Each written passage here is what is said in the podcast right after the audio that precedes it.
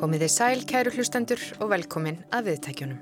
Ég heiti Gíja Holmgerstóttir og ætla að flytja ykkur sögur af landi.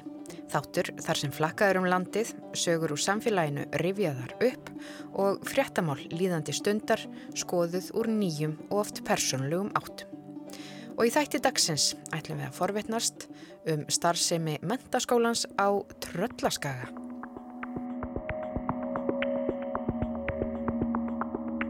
Mentaskólinn á Tröllaskaga er yngsti mentaskóli á landinu. Skólinn er hefðbundin framhaldsskóli sem staðsettur er á Ólarsfyrði. Engunar orð skólans eru frumkvæði, sköpun og áræði. Sköpun er grunnþáttur í starfseminni en það mikil áhersla lögð á listir og menningu í skólastarfinu. Skapandi hugsun er höfð að leiðarljósi bæði fyrir nefendur og kennara. Frumkvæði og áræði er síðan auðsilegt til þess að feta nýjar slóðir eins og framkemur á vefsíðu skólans. Mentaskólin á Tröllaskaga hlaut nýverið tilnefningu til íslensku mentaverlaunana þetta árið sem framúr skarandi mentastofnun og er skólinn tilnefndur fyrir nýjar leiðir í skipulagi náms og kennslu með áherslu á valdeflingu nefenda og fyrir frumkvæði sköpun og áræði. Og talandi um áræði, þá má segja að stopnun skólans hafi verið já, mjög áræðin hugmynd. Gaggrínisrættir voru uppi. Hvernig er þið námsframbóðið og hvernig ætti skóli á þessum stað að geta staðið undir sér? Hvaðan ættu nefndunir að koma? Hvernig á að fjármagna þetta? En skólinn var stopnaður með það að markmiði að hækka mentunastig á svæðinu meðal annars og leiðin sem var farin til að tryggja gæði námsins, jú, það var leið sem allir nefndur og kennarar í já, flest öllum skólum landsins eru farinir að þekkja afar vel á þessum óvissu tímum. Það er fjarnám. Það sem við ákvaðum upphafið þegar skólum var stopnaði 2010, við erum sérst 10 ára gömul núna, og ekki hægt að halda neina veglega ammælisvislu en hvað er það? Að við ákvaðum strax í upphafi að til þess að geta bóðið upp á fjölbreytt nám fyrir alla nefendur að þá þyrtum við fleiri í nám heldur neyru búsettir á svæðinu. Og ef við ætlum bara að horfa á þá sem eru búsettir hérna þá er þið námið einhæft og það er bara einfallega þannig að, að þó maður sé kannski ekki á svæði með mörgu fólki þá vill það ekki allt það sama. Þannig að með því að blanda saman stað og fjarnámi alveg frá upphafi að þá um, skipulöðum við þannig að hver áfangi getur við getum tekið þá sem er á staðnum og síðan fjölgað upp í hópin þannig að hans jórðum fullur með fjarnemum. Það þýðir að nefendum á staðnum og nefendum á netinu er kent eins og það er svona líkillin í því að allir fá sitt uh, hérna, fá á mánudagsmorni hvað er að gera þá vikuna. Það geta verið myndbönd frá kennurum með innlögnum, það getur ítarefni, lesefni, uh, hugbúnaður sem á að nota eða hvað það nú er og ásand bara verkefnum sem á að skila í lókvikunar og nefnandum þar svo að skila fyrir sunnudagskvöld. Síðan er námið á staðnum um, þannig að, að það er verið aðstofa nefnendur í vinnu við verkefnin. Þetta kallast vendikensla, þannig að innlagnir og annað sem er venjulega í skólahúsnæði er á netinu. Og svo kemur nefnandi hér og væntanlega þá búin að undurbúa sig fyrir tíma og getur spurt uh, kennar sinn að, að hérna, uh, því sem að brítur á eða því sem að vil dýfka sig í Og það er allt öðruvísi heldur en að fá innlögnina í skólanum og vera svo að vinna að viðfáðsefni heima og þá hefur engan til að spyrja. Þannig að við trúum á þessi, höfum trú á því að þessi aðferð sé gefandi og þannig byggjum við upp námið og það er fullt, flei, fullt af fleiri þáttum sem spila þar inn í eins og námsmat fyrir þá fram í hverju viku og ekki loka próf að því við erum kannski komin með 60-70 verkefni sem við getum með til nefnandan og með því að vinna jæmt og þétt á stendur hansi vel. Nú og þetta hefur bara gengið vel þannig að, að skólinn hefur dafnað uh, mjög á þessum tíma og það er yfirleitt langur bygglisti í fjarnám hjá okkur því að aðferðir og þetta skipla virðist henda fjarnemi vel og brott hvar við fjarnámi er lítið. Þannig við höfum verið að sjá það í kringum svona 6% eh, svona til og frá einhversta það er í kring 4-6% á mótsviða svona almennt er brott við fjarnámi 25-40%. Þannig að fjármagnir nýtist miklu betur þegar út með aðferðir í fjarnáminu sem gerir það verkum að nefandi sem hefur nám hann getur lokið í. Þarna heyrum við í Láru Stefánsdóttur, skólameistara mentaskólans á Tröllaskaga, sem starfað hefur við skólan frá upphafi. Og það er viðegandi að öll viðtölin í þessum þætti voru tekin upp í gegnum netið. Það er viðegandi fyrir þessa veiru tíma en líka viðegandi fyrir þátt sem fjallar um skóla sem byggst hefur upp í kringum fjarnám. En aftur að Láru skólameistara. Lára kom inn í skólamestarastarfið með mikla mentun og reynslu í mentavísindum, tölvunafræði og upplýsingatekni. Já, svo er hún líka mentuð í list ljósmyndun og býður nefnendum mentaskólans á Tröllaskaga upp á slíka áfanga. En hvernig er nefndahópur skólans saman settur? Staðnemar hér á svæðinu velina við hundrað en nefndahópurinn í heildina núna er 450 manns Þannig að það er mjög algengt að sjá hérna námshóp sem er kannski með tíu manns á staðnum en átján manns á neti. Og uh, nú síðan er, ég man ekki hlutfallið en, en þetta er mikið til nefnendur, svona flesti nefnendur eru yngre en 25 ára. En þau vinna saman í hópum þannig að okkar fólk lærir að vinna með öðrum á neti og svona fjársamstarfi líka mikilvæg þekking fjár samvinna, það að þú getur kunnir ekki bara að vinna með þeim sem er sjáanlegur fyrir framann þig á staðnum og það er fyrir okkur á landsbyðinni gríðarlega mikilvægt. Það opnar möguleika á að, að þroska fjárvinnu vel og fjár samskipti og, og svona skipulag við fjárvinnu og ymsa vegu sem að margir er að sjá í dag að að kemur ekki bara svona með, með hérna loftinu heldur maður þarf að skipilegja og maður þarf að undirbúa, maður þarf að læra. Nám við mentaskólan á Tröllaskaga hefur því mótast frá upphafi út frá þörfum bæði staðnema og fjarnema. Nefnda hópurinn er dreifður út um allt land, auk þess sem að hluti þeirra býr Erlendis. Og það er ekki bara nefndunir sem eru dreifðir út um allt, þetta á líka við um kennarahópin. Við heyrum næst í Katrínu Ír Ólafsdóttur, kennara í skapandi tónlist við mentaskólan á Tröllaskaga, en Katrín býr og starfar sem tónlistamæður í London og starfar líka við tónlistarkennslu þar í borg.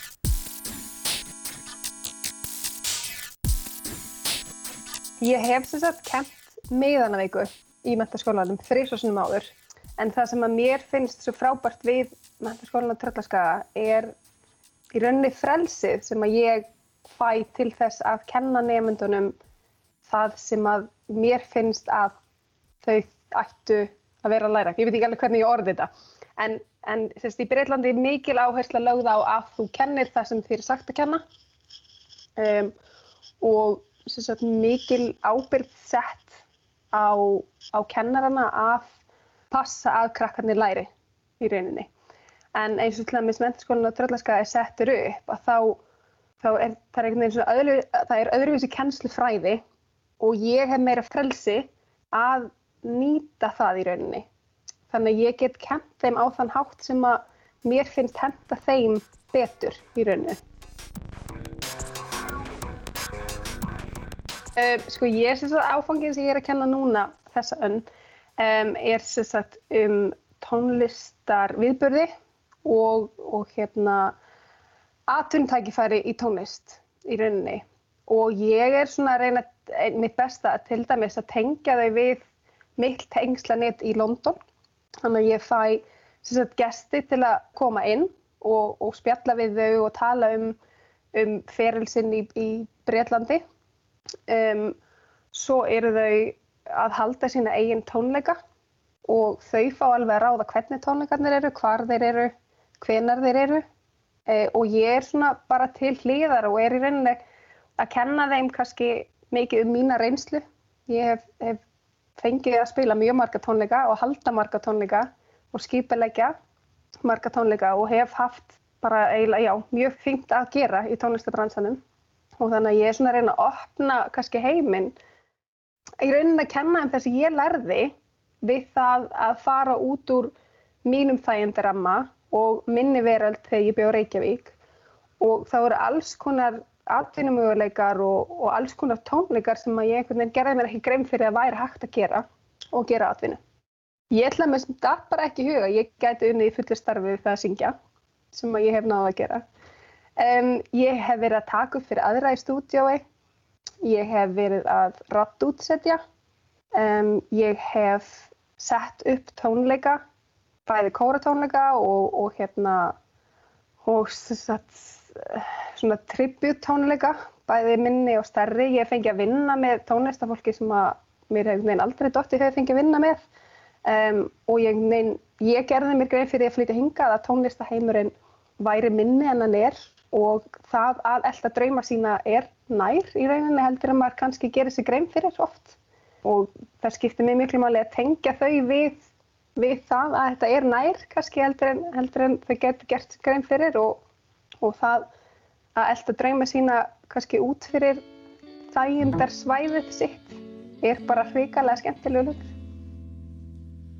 It's really over Það er eiginlega magnað að hugsa sér nefnendur við mentaskólan á Tröllaskaga í beitni tengingu við tónlistabransan í London. Fjarnámi gerir þannig heiminn minni og getur þannig ítt fólki út úr þægindaramanum. Og það eru um eitt slíkir nefnendur sem að komu, sáu og sigruðu söngkeppni framhaldsskólana þetta árið. Uh, ég heiti Tryggvi Þorvaldsson. Ég heiti Mikael Sigursson. Ég heiti Július Þorvaldsson. Ég heiti Hörður Ingi Kristjánsson. Og við erum að keppa fyrir hönd MTR. Jæja, þið voru senast aðtriðið. Var byðin erfið? Já. Já, hún var laung. Já. Hún var laung, hún var erfið, en hvernig hafði það einhver áhrif, áhrif á performansin? Nei, það var bara skemmtilegra eitthvað, sko. Já, Já skemmtilegra ef eitthvað er. Þið eruð hljómsveit, eh, er það ekki? Jú, jú, við gerum. Er komið nafn á hljómsveitina? Uh, það er í vinslu. Já. Það er í vinslu, ok, er komið eins og eitthvað eitt nafnórð eða eitthvað, eitt sagnórð sem þið eru bara að byggja í kringum, kringum. Getur við fengið að heyra eins og eina hugmynd eða eitthvað? Ástarpunganir. Ástarpunganir. Það er, já. Glæsilegt. Eitthvað meira bakkelsist eða, eða einhverjar aðra hugmyndir? Þetta var alveg einu hugmyndin sem við erum komin með. Ó, ok, þannig þeir eru sögðu nokkar og þú mynduðu einn. Já. Já.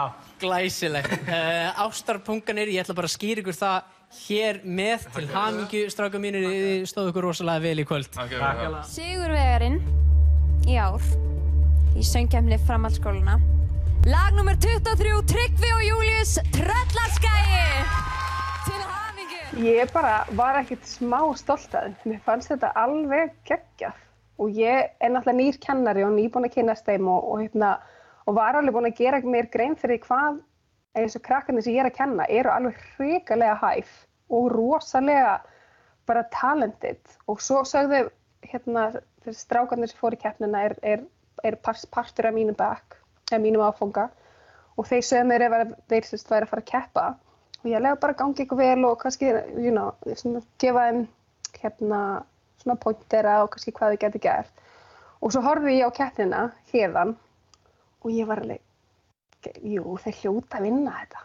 Þeir hljóta að bara stóði þessi svo hrikalega vel en maður náttúrulega, kannski vildi vildi ekki alveg ákveða það af því ég náttúrulega þekki það og en hérna þetta var bara indislega tilfinning og bara ég er svo hrikalega stolt af þeim og, og hérna ég minnst þetta bara alveg æði og þeir eru líka bara þau öll sem ég er að kenna eru, þau eru svo áhugasum að læra og þau eru svo áhuga sem að, að, að læra meira og kunna meira og geta gert meira. Og, og mér finnst svo gaman að kenna þannig nefndum og það er alveg ástæði fyrir að ég hika ekki við að segja já við að kenna hjá sérstaklega mentaskólanum að ég hef, eins og ég sagði, komið áður í meðanna viku. Og hérna og það er bara, yfir höfuð eru nefndunni mjög skemmtilegir og þeir hafa mikið áhuga að læra. Ég er bara, ég er rosalega stolt að fá að kenna þannig Sko ég hafði nú ekki kempt mikið á netinu fyrir en COVID byrjaði og þá þurfti ég að byrja að kenna á netinu. Og gerði mér þá einhvern veginn betri grein fyrir því hvað heimurinn getur verið lítill. Og líka sagt, mentaskólinn á Tröllaskaga er svo framalega þegar kemur að tækni að það einhvern veginn var mun minna mál fyrir mig heldur en ég kannski ég gerði mig grein fyrir að hérna að geta kent heilum bekk á Ólasfyrði frá London er svolítið cool.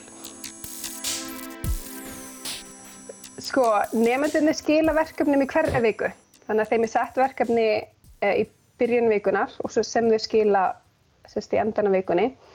Og ég er með svona lítil verkefni yfir vikunar en þau eru að vinna að því að halda lokatónleika. Og lokatónleikarnir verða í desember um, og þau eru að plana tónleikana alla og eins og staðan er núna þá kannski sjáum við ekki fram á að við getum bóðið fólki að koma á tónleika. Þannig að nefndunir eru að plana og búa til livestream tónleika og livestream tónleikanir verða styrta tónleikar fyrir Krabbamins félagið á Akureyri. Um, þetta ákvaðuðu öll sjálf og hérna og þau eru sérst, já, að plana þessa loka tónleika í byli og við erum bara að fara yfir hvernig er þetta að livestreama, hvernig er best að setja þetta upp, hvernig er best að auglýsa, hvernig er best að, að, að fá inn styrk frá fólki uh, fyrir tónleikana og í rauninni allt sem því við kemur, hljóð, hvernig á að taka myndböndin, hvernig á að hanna sviðið, hvernig þarf að setja upp um, setlistan, vilja þau fá gesta söngvara eða gesta spilara með sér og þetta er allt í vinslu og ég er hrikalega spennt að sjá hvað kemur út úr þessu því að þau eru svo metnaða full. Já, mér finnst ég rosalega heppin að fá að vinna á stað þar sem að ég fæ að nýta það sem ég kann og það sem ég hef reynslu í og, og nýta það sem ég hef þekkingu í. Þetta er svona, þetta er svo mikið samspil millir kennara og nefnda er að ég er ekki að kannski tróða ofan eða það sem að mér finnst þau eigi að kenna heldur en maður svona hvað vil ég þið læra? Hvar vil ég þið styrkja ykkar þekkingu svo þið komist áfram í sem að þið vilja gera? Hefur þú vilja vera í svona áfanga þegar þú varst í framhaldsnám? Ég veistu það, ég pældi fyrst, fyrsta skipti sem ég kendi meðanavíku þá þá hugsaði ég vá hvað ég hefði verið til í að vera í svona skóla. Því að ábyrðin er á nefndunum að læra en á svo indislegan hátt einhvern veginn að það er svo vel stutt við nefnendur og ég man bara eftir að hafa setið í framhalskóli tíma fyrir nokkrum árum en einhvern veginn, mér langaði ekki þú veist, það var bara að vera að tala einhvern veginn ón í mann og það var ekki mér fannst því oft einhvern veginn ekki ábyrg fyrir því að að þurfa að læra. Ég veit neginn hlusta, muna, skrifa neyra prófi, búið. En þannig að já, ég hefði svo verið til í að fá að læra svona því að þau hlamis, það er ekki bara skrifilegt sem þarf að skila. Þau skilu hlamis miðanar, hérna, skilin þeirra voru myndbönd sem þau tóku upp. Eh, þau ætla að búið til podcast, um, þau taka upp, upp tónlist, og það eru svona skilin eru svo, svo, svo mísmunandi, það er svo mikið hægt að gera og hérna, já, ég hef alveg mjög verið til í að fá að vera í svona mentarskóla. Já, alveg hreint ótrúlegt hvað mikið er hægt að gera í krafti fjárnáms, þar sem sköpun, frumkvæði og áræði er haft að leðarljósi. En við heyrum aftur í skólameistaranum, Láru, um hvernig þetta allt saman byrjaði. Já, ég er fyrsti starfsmæðurinn Þannig að ég var ráðinn uh, 1. mars 2010 og hérna og þá var ekki tvita hvaða skólahúsnaði, hversu margi nefendur, þá var komin þessi spennandi nýja námskrá sem er líklega besta sem við höfum fengið hérna á Íslandi, námskrá framhaldsskólana. Þannig að það þurfti að skapa áfóngana, það var ekkert eitthvað miðlægt sem beigði eftir manni og uh, síðan komu starfsmennir, ég réði uh, stærsta hluta þeirra í júni þannig við gátt undirbúið okkur þá hvað við ætlum að gera um haustið. Þannig að það, þetta er búið að vera virkilega spennandi og skemmtilegt. Og var strax ákveðið að hafa skólan á Ólarsferði eða voru, var ykkur umræðið um aðra staði eða hvernig, hvernig gerist þetta? Uh, ég náttúrulega var ekki í aðdraðandanum en það var mér ljóst að það var tókstreita hvort skólinn ætti að vera á Dalvík eða í Ólasfyrði og niðurstaðan var að hafa hann í miðjunni þannig að hann var aðgengilegu fyrir uh, þessa bæi á trölla, utanverðu tröllaskaganum og hérna þannig að þegar ég kem til starfa er Ólasfjörðun orðin lending. Árið 2010 var svo sannlega viðbörðaríkt á þessu svæði. Mentaskólinn við Tröllaskaga var stopnaður og hérðinsfjörðargöng tekinn í nótkunn. En hvaða áhrif hefur starfsemi mentaskólans haft fyrir þetta svæði? Ég vildi gerðan að það er kannski rannsaka meira því að nú erum við bara að tala um mína tilfinningu. Ég sé mikinn mun á þessum tíu árum. Bæði er það að fleiri ljúka námi til stúdentsprófs af þessu svæði og fara þá í frekara nám. Það eru svona 60% nefnd á svæðinu sem fer þá í frekara nám eftir stúdentspróf, hvert svo sem það er. Og Það er líka, við höfum verið í ríkulegu samstarfi við fyrirtæki, stofnanir og, og hérna svona félagsstarfsemi, við höfum unni með skó, við erum að vinna með skóratafélagini, fyrirtæki þar sem við höfum verið með frumkvölafræði, eh, sveitafélagið um samstarfgrunn og framhaldsskóla þar sem nefnendur úr grunnskólanum geta sótt sér áfanga í framhaldsskólanum þegar hafa lokið námsmarkmiðum tíundabekkjar. Skólinn hefur aukið mentunarsteg fólks á svæðinu sem var eitt af markmiðum skólans við stopnun hans. Og skólinn hefur farið nýjar leiðir í valdefningu nefnda. En Laura talar þó um að ákveðinir staðsetningar fordómar hafi einkent umræðinu um starfsemi skólans. Já, það, það er svolítið skemmtilegt að þegar maður horfir á útlönd og, og annað sem er ætt á að talaði um mismununa á, á grundvelli litarháttar, trúarbræða eða annars en hún á sér líka stað eh, viðþorgagvart búsetu. Þannig að greind manna fari eftir því hvar heimilisfestan er og þá sé hún hugsanlega kannski mest á höfuborgarsvæðinu og, og svo Akureyri en Ólasfjörður er gert ráð fyrir sjávarþorpi þar sem að, að svona mentavísindi eða önnur vísindi komi ólíklega frá þó það sé kolránda því hérna er náttúrulega eru fyrirtæki í, líf, líftækni og, og, og fleiru. En ég verð verfið það og sérstaklega kannski svona fyrst þegar við vorum að tala um snjalla hluti sem við vorum að gera að þá eh, heyrðist það ekkit vel af því hvar við vorum. Og það sem var kannski ráði við því og, og það, það endur speiklaðist inn í þennan kennara geira þannig að það var að mörguleiti heppilegir að fara með kennara erlendis til þess að vinna með evróskum kennurum til þess að læra af og miðla og við hefum síðustu fimm ár fengið styrki bæði hjá Erasmus sem er alveg stórkoslegt Európaverkefni og Nord Plus. Þannig að okkur kennarar hafa geta farið á ráðstöfnu og námskeið í Evrópu á hverju ári þeir sem svo kjósa.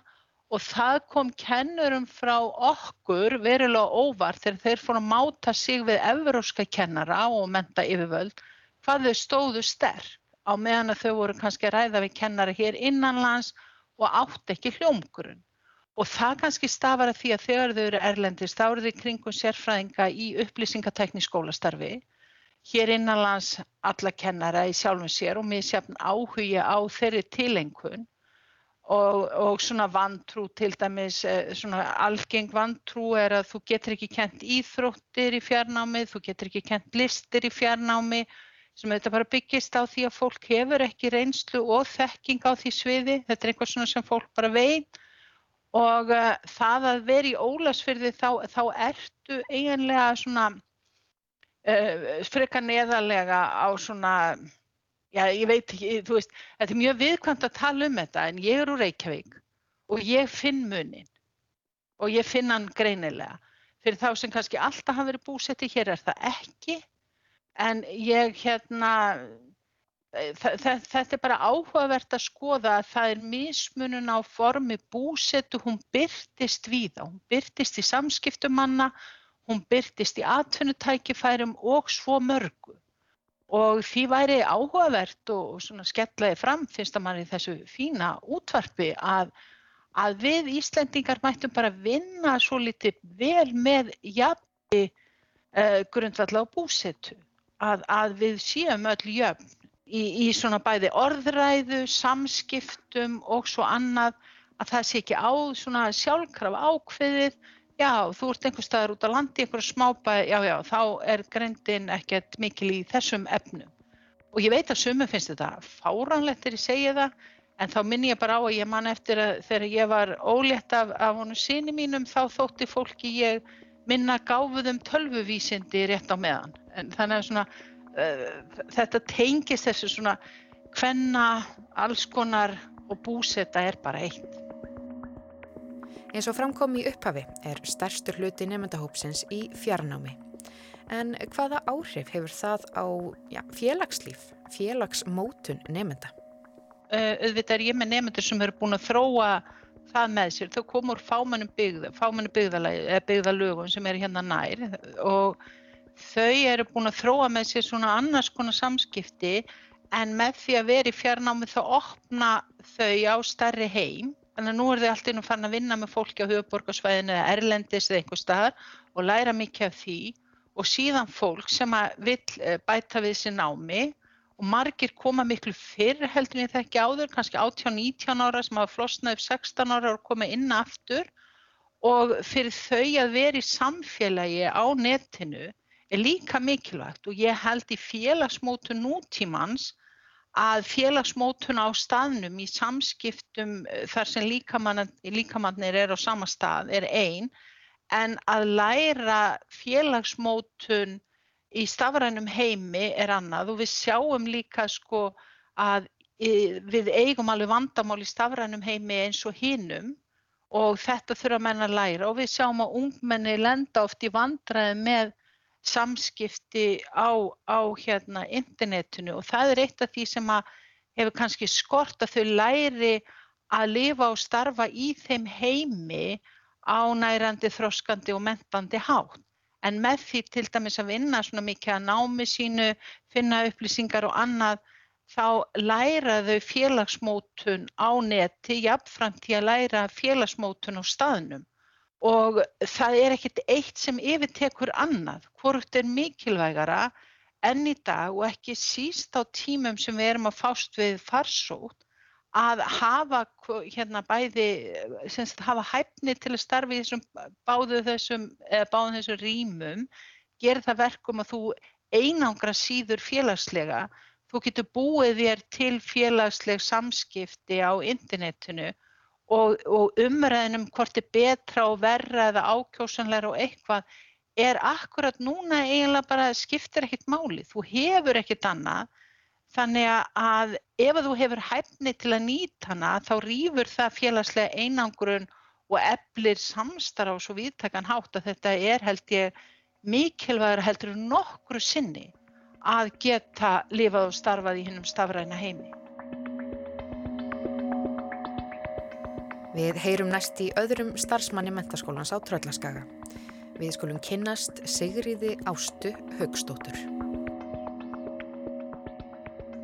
Já, mitt starf hér í mentaskólan á Tröllaskaga, það er nú kannski svolítið margslungið og, og hérna, erfitt að útskýra það einni setningu en svona ég sinni frá degi til dags nefndaþjónstu og í, í hérna, teimi með sálfræðingi skólans, ég er sérst náms og starfsákjáði skólans og svo sinni ég líka kennslu. Þannig að það er nú svona það svona mín tvö megin hlutverk hér, hér í skólan ég kom hinga 2017 og ég er búin að vera hérna í þrjú ár og svona þróast kannski hratt í starfi. Minn ég var búin að vinna áður í náms- og starfsókju hjá vinnumálstofnun þannig að ég skipti svolítið um gýr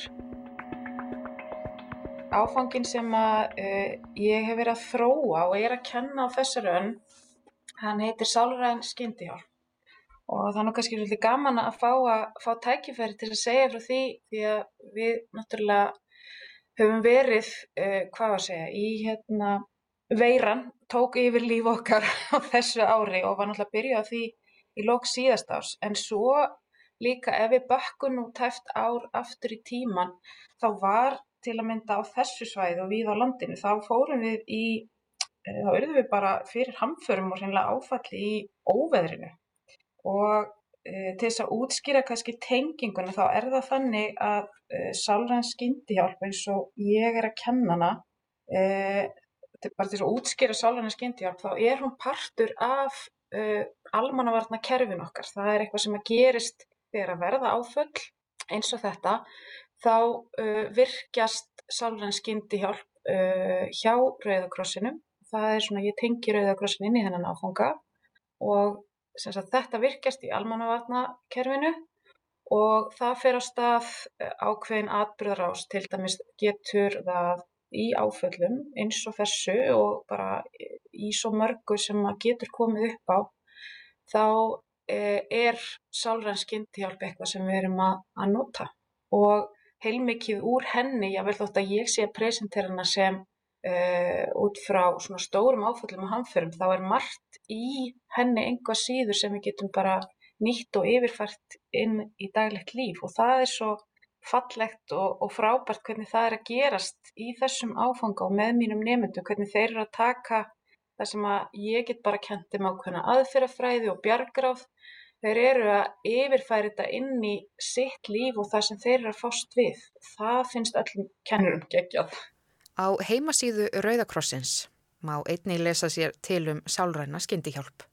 Þar kemur fram að markmið sálrætnar skyndihjálpar er að styðja einstakling til fyrra jafnvægis og sjálfstæðis og fyrirbyggja alvarleg langvinn sálræn eftirkvöst hjá viðkomandi.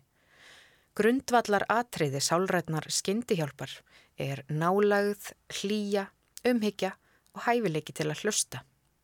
Best er að sálræn skyndihjálp sé veitt af þeim sem að standa viðkomandi næst, það er að segja fjölskyldu eða vinum.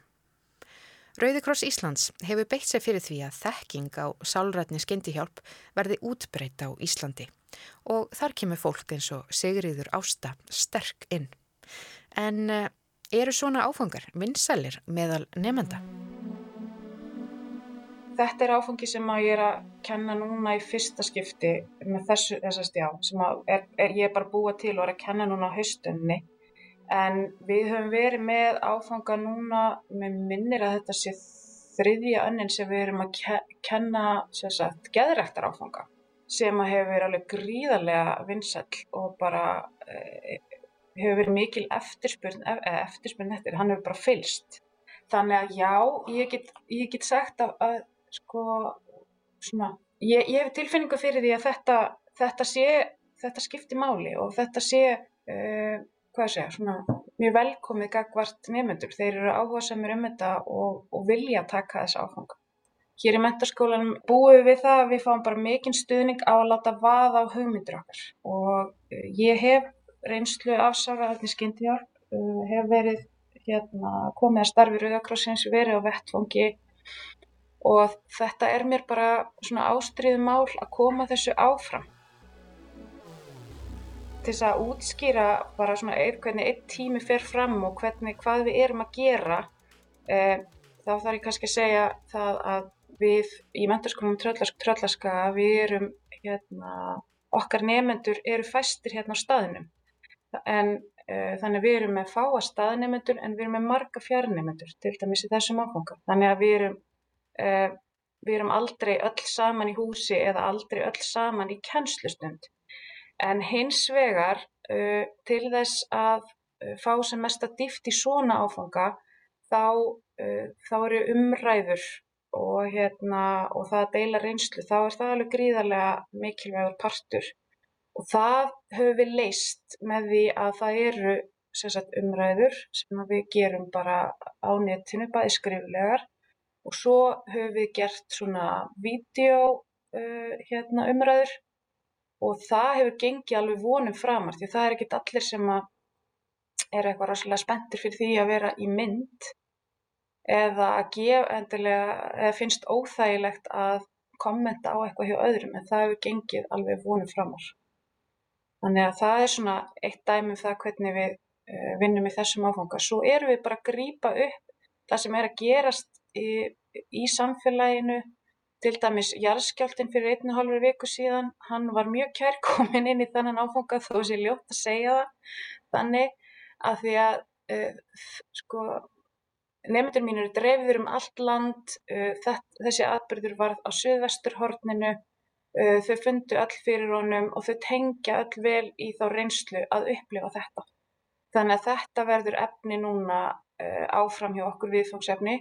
Svo erum við að skoða þátt uh, sagt, uh, þáttaröð á RÚF sem er verið að sína núna. Hún heitir Þegar Riki sest og það er verið að segja átta sögur af hérna, átta sögur sem að eiga sér stað hérna, fyrir og eftir hriðiverk árás í Kaupmannhöfn og við erum að skoða þessa þætti með sko, augum sálræðna skyndihjálpar. Þannig að við erum að nýta og reyna náttúrulega að tengja allt eins vel eins og við getum raunverulegum aðstæðum.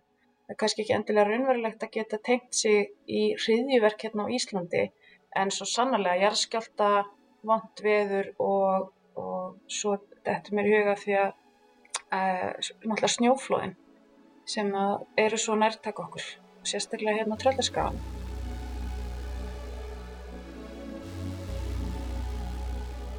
Já, ég hérna, minn grunnur uh, námslega er úr uh, sálfræði, með BA í sálfræði, ég er með uh, meistaragráðu í fjölskyldumeðferð og ég hef starfað sjálfstætt og, og vann lengi á vinnumálstofnun og byrjaði að vinna hjá vinnumálstofnun bara kortir í hrun.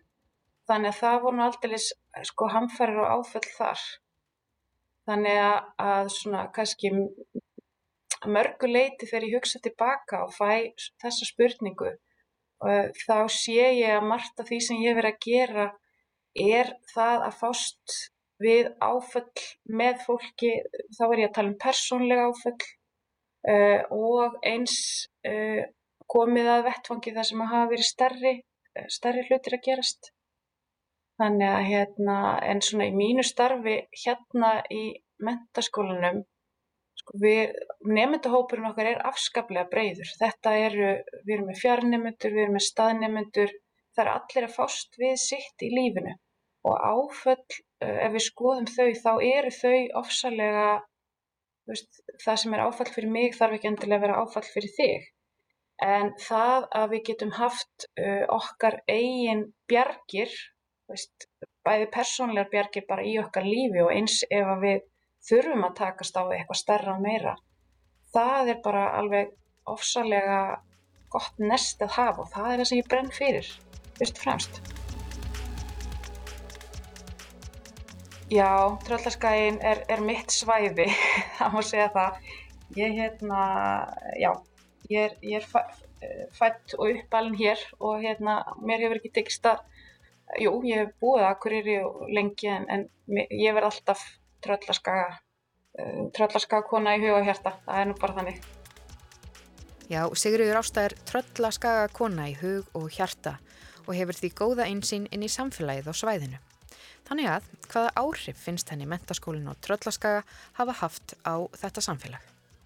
Sko, ég get náttúrulega bara svara fyrir þessi þrjú ár sem ég er búin að vera hér og svona sín mína á það. Um, það sem að mér, svona, ég myndi telja að vera dýrmætast fyrir svæði, það er náttúrulega að hafa þennan valkost fyrir nefnendur að vera í heimabið, að þurfa ekki að fara annað, uh, að geta hérna klárað klárað stúdensprófið sitt hér og það sem að hefur náttúrulega gerst með mentaskólinu og tröllarskaða líka er að það er alveg ofsalega ríkulegt námsframbóð og það getur við gert vegna þess að við erum með svo marga fjarnema líka þannig að þetta svona hjálpast einhvern veginn allt af. Eins og framkom í byrjun þáttar þá var mentaskólin á Tröllaskaga tilnemdur til íslensku mentaverlunana þetta árið. En hvaða áhrif hefur slík viðurkenning á starfsemi skólans að mati Sigriðar ástu? Svona, ég, ég get svara fyrir mig persónlega og, og ég fann fyrir alveg gríðarlega miklu stolti og kannski fyrir hönd skólans viðurkenningu á svona, veist, því ofsalega frjóa starfi sem að ég tel okkur vera að vinna. Og e, þó að ég sé búin að vera hérna í þrjú ár af tíu þá fann ég líka fyrir því að veist, vera hluti af, hvað ég segja, svona vera að eiga, eiga í þessu. Það er margt í náms- og starfsákjöfinni sem hefur verið að þróast hratt og við erum að nýta okkur eh, til að mynda, við vorum að fara inn í nýtt verkefni uh, sem, sagt, sem er svona bókunar og viðtalskerfi sem heitir Caraconnect og það bætir til að mynda allt aðgengi fyrir alla nefndur skólans af uh, náms- og starfsákjöf og sálfræðþjónustu. Og ég er alveg gríðarlega, gríðarlega stolt af því og ánað hvað nefnendur, þú veist, við erum að kenna þeim á þetta kerfi núna en þau eru fljóta að læra á þetta. Og þetta er, þetta er bara svona eitt dæmi um það hvernig við getum bætt eitthvað sem er gott, þetta er viðbót, auðvitað finnst mér langt best að hafa nefnendur hérna inn á skrifstofu hjá mér og geta hérna já, get það hérna, haft þá, haft þá hérna, með mér en það er, ekki, það er ekki endilega þannig hvort sem að það er veira eða hvort sem að þú ert bara fjarnimi sem að kannski kemur aldrei hinga til okkar eh, mögulega þurfuð útskrifast en, en hérna já Já, ymmit. Sumir nefnendur koma kannski aldrei til Ólarsfjörðar á meðan námið þeirra stendur nema kannski við útskrift. En hvað tilfinning ætlið að sé fyrir kennara og starfsfólk að sjá loksins þessa fjarnema sem þeir hafa kent allan þennan tíma? Það er algjörlega, ég, ég get ekki líst því það, vegna þess að um, maður hefur kannski verið í, mest í tölupúst samskiptum og kannski aldrei séð viðkomandi. Uh, reyndar náttúrulega vona ég með Curconnect þá hérna, sjá ég þau meira en kannski hafa mestu samskiptum verið í tölupúst eða síma og auðvitað eru leiðir fólks að stúdensprófi þær, þær eru alls konar veist, og fólk er að útskrifast hérna á veist, öllum aldri. Og, og, og þar bara ótrúlega misjafna svona hluti og stuðning og, og eins, eins og það allt saman er. En að hitta fólk þegar það útskrifast kannski aldrei hafa verið með því sama rými áður það er bara, þú veist það eru bara solskinsdagar svakaleg sólskinsdagar þannig að hérna, já það er algjörlega, algjörlega magnað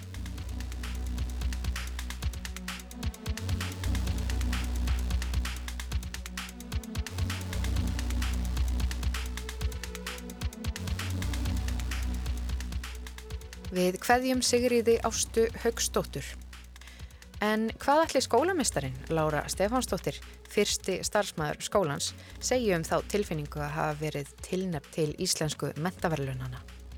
Það var, við erum óskaplega stolt og að þeir eh, svona aðeins sem standað íslensku mentaverlununum skildu meta sem svo að við værum í þessum hópi framúsgarandi stofnana er það, það, það er svo það gerir okkur stolt og það er okkur kvartning í starfi og síðan gleður það ósegjanlega.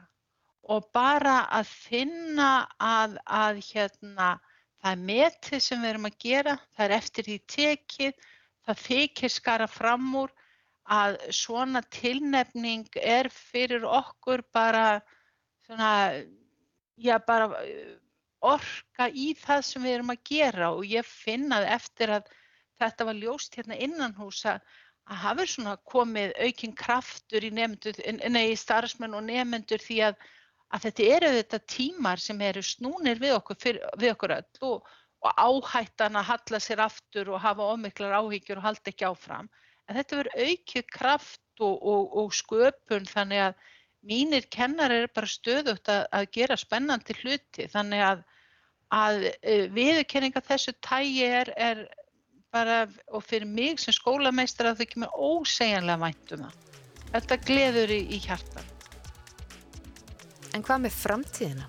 Hvert stefnir mentaskólinn á Tröllaskaga? Já, ég, það er draumur okkur að fá að vaksa og dafna. Það hefur verið dálítið svona viðhorf að það sé munur á dagnámi og fjarnámi og kannski gleymist ofta fjarnæmannir eru mannverur þannig að við höfum verið að þróa sko eh, stafræna stóðþjónustu í fjarnámi þannig að þau búi við sama skóla og aðrir. Og e, bara þegar maður horfir á nefndahópin, menna unga krakka á framhaldsskóla aldrei sem fástu veikindi og get ekki farið gegnum hefðbundi skóla en komast hjá okkur er skipuleg þannig að það gengur. Íþróttamenn sem fara erlendist tímabundi og vilja halda bara áfram með sínu jafnöldrum í námi.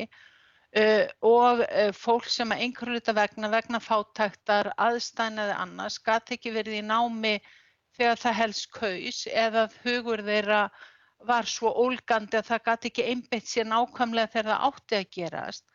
Að allt þetta fólk uh, á sér sína menta drauma og ég gleymi aldrei stúlku sem að útskrifaðist hér úr fjarnámi, uh, ung stúlka og verið bara rétti við tvítugt og kom hérna og vildi halda ræðu og útskrift um, um það að geta útskrifast úr framhaldsskóla sem, sem fjarnemi og hún tiltók að hún bjó ein með dóttur sinni og hún hafði upplifað vonlausa stöðu að hún gæti búið til gott lífsviðværi fyrir sig og barni sitt en með því að geta stundað fjarnám og þá stundað vinnu á meðan til að afla þeim lífsviðværis á meðan þá gæti hún komist áfram og komist í háskólanám sem hana dreymt um og gefið þeim betri framtíð. Og fyrir okkur Íslendinga er auðvitað svo dýrmætt að fólk geti komist til menta þó að sé ekki akkurat aldrei um 16 til 19 ára vegna þess að það eru verðmættari þjóðfélagstegnar og eftir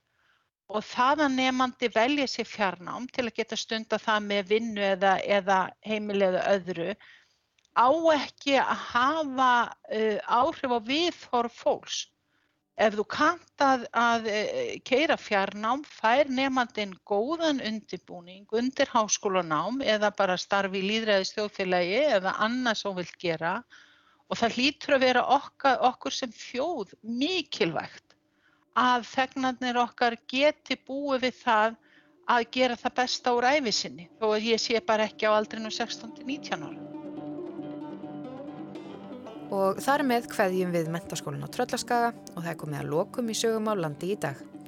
Viðmalandur voru Lára Stefánsdóttir, Katrín Ír Ólafsdóttir og Sigriður Ásta Haugsdóttir.